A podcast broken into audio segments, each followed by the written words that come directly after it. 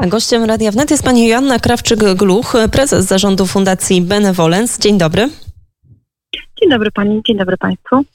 Bardzo cieszymy się, że jest Pani naszym gościem. No i może zacznijmy e, troszkę od początku. Odpowiedzmy kilka e, słów e, o samej fundacji. Czym Państwo się zajmujecie? Fundacja Benevolence ma swoją siedzibę w zabytkowym parku w Głuchołazach. Jest to park zdrojowy przy Górnym Stawie.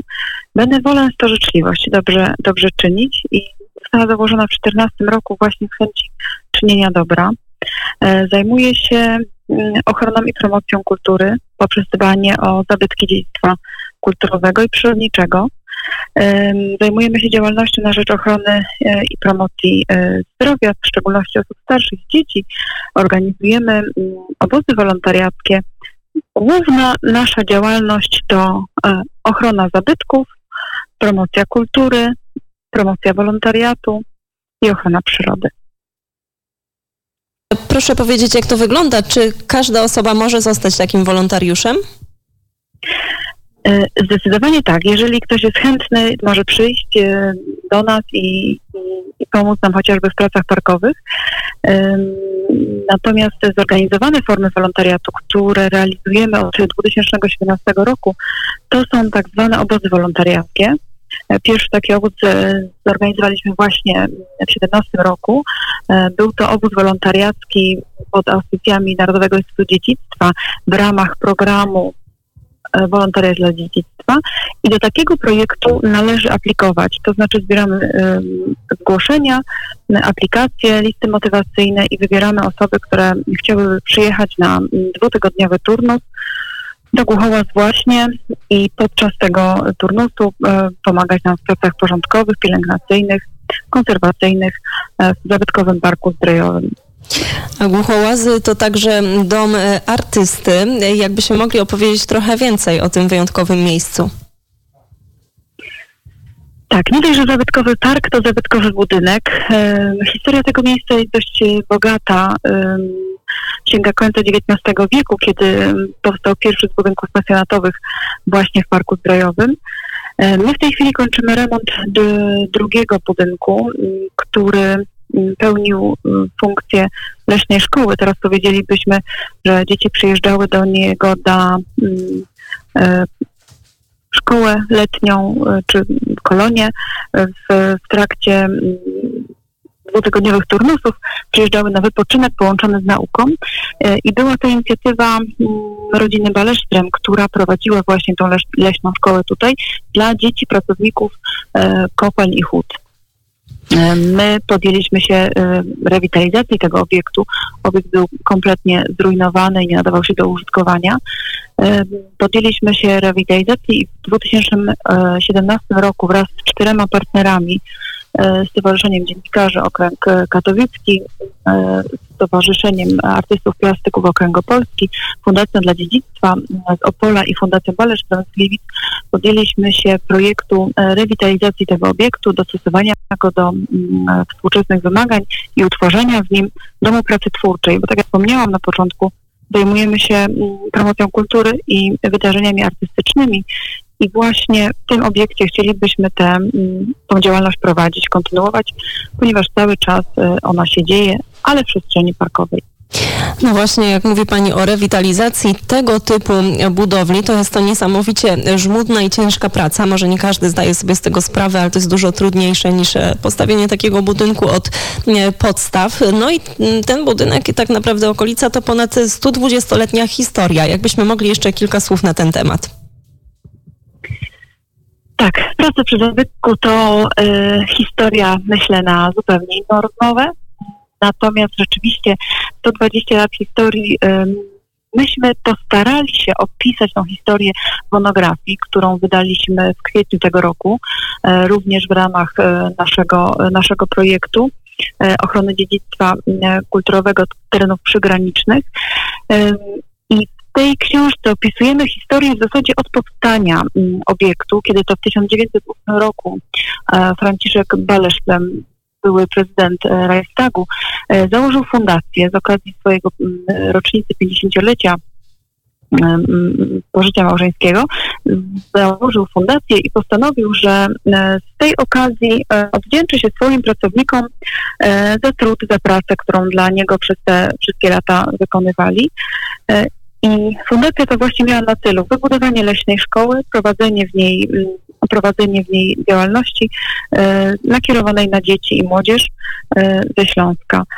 Mm, potem budynek należał, czy administrowany był przez e, Caritas, a po wojnie został e, przejęty przez Fundusz Czasów Pracowniczych i odbywały się tutaj w tym budynku mm, czasy turnusy rehabilitacyjne dla, e, dla rodzin z dziećmi właśnie. E, ponad 30 lat stał pusty, więc stojąca w piwnicach woda i zalania zrobiły swoje niestety i niewiele z niego pozostało, więc remont to bardzo delikatne określenie dla prac, które poczyniliśmy w, w tym budynku, bo to w zasadzie e, odbudowa od pierwszego piętra, drugiej kondygnacji z dachem, e, wszystkich przyłączy, e, ogrzewania elektrycznych, wyciągowych i, i wszystkich tych prac, które wymagały, aby budynek był w tym stanie, więc w tej chwili, w tej chwili prowadzimy już prace wykończeniowe i, i wyposażeniowe zbliżamy się do końca remontu. No to teraz jeszcze kilka chwil poświęćmy na to, co dzieje się dziś. Takie sztandarowe, najważniejsze projekty, jakimi mm, Państwo się teraz zajmują. Oprócz naszych e, obozów wolontariackich, bo to duże przedsięwzięcie jest, dlatego że te obozy są międzynarodowe od trzech lat już i jeszcze do nas młodzież z całej Europy. E, ponad 55 osób gościliśmy już, już w ramach tych projektów. Oprócz tych projektów międzynarodowych, to, to są to głównie wydarzenia kulturalne rzeczywiście i artystyczne. E, w tym roku e, zainicjowaliśmy cykl koncertów promenadowych w parku przy Górnym Stawie i było to dziewięć koncertów. Rozpoczęliśmy 3 maja, tak od poniedziałek, ale potem przez kolejne 8 niedziel. Tutaj u nas występowali różni, różni wykonawcy i odbywały się takie koncerty promenadowe. E, oprócz tego mamy wystawy malarskie. W, w czerwcu mieliśmy wystawę pani Grażyny Telarek-Jagieło.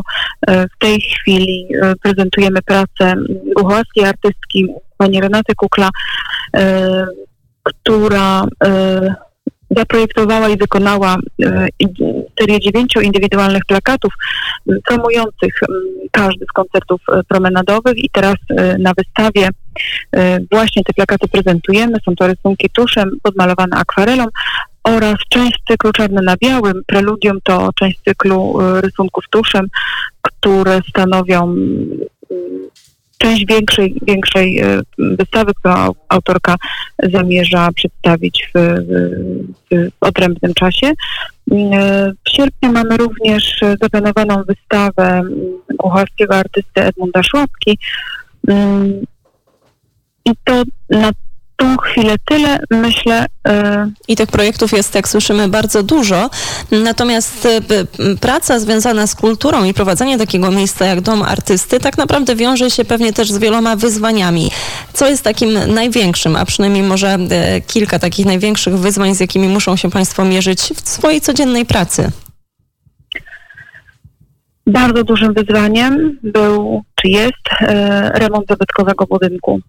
E, to e, logistyka, e, dogranie, dogranie szczegółów, uzgodnienia jeszcze na etapie przed, przed wykonawczym konserwatorem, potem trzymanie się ściśle tego planu, mm, nadzorowanie wszystkich poszczególnych ekip z różnych branż.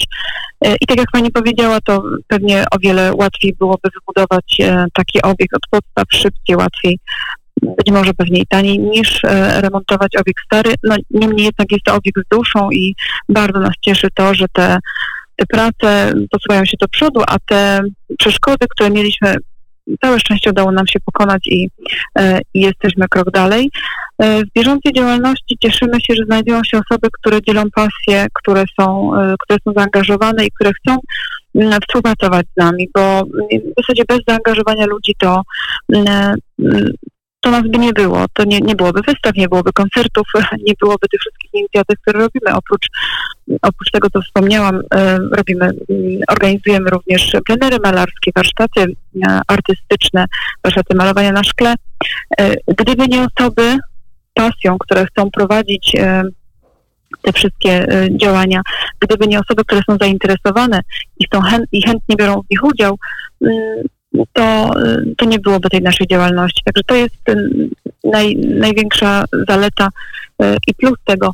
E, z wyzwań to pewnie finansowanie, finansowanie kultury. Myślę, że jest to temat e, dość szeroki, szczególnie teraz w czasie pandemii, po pandemii, kiedy te unormowania nie są jeszcze do końca jasne albo nie dla wszystkich równe.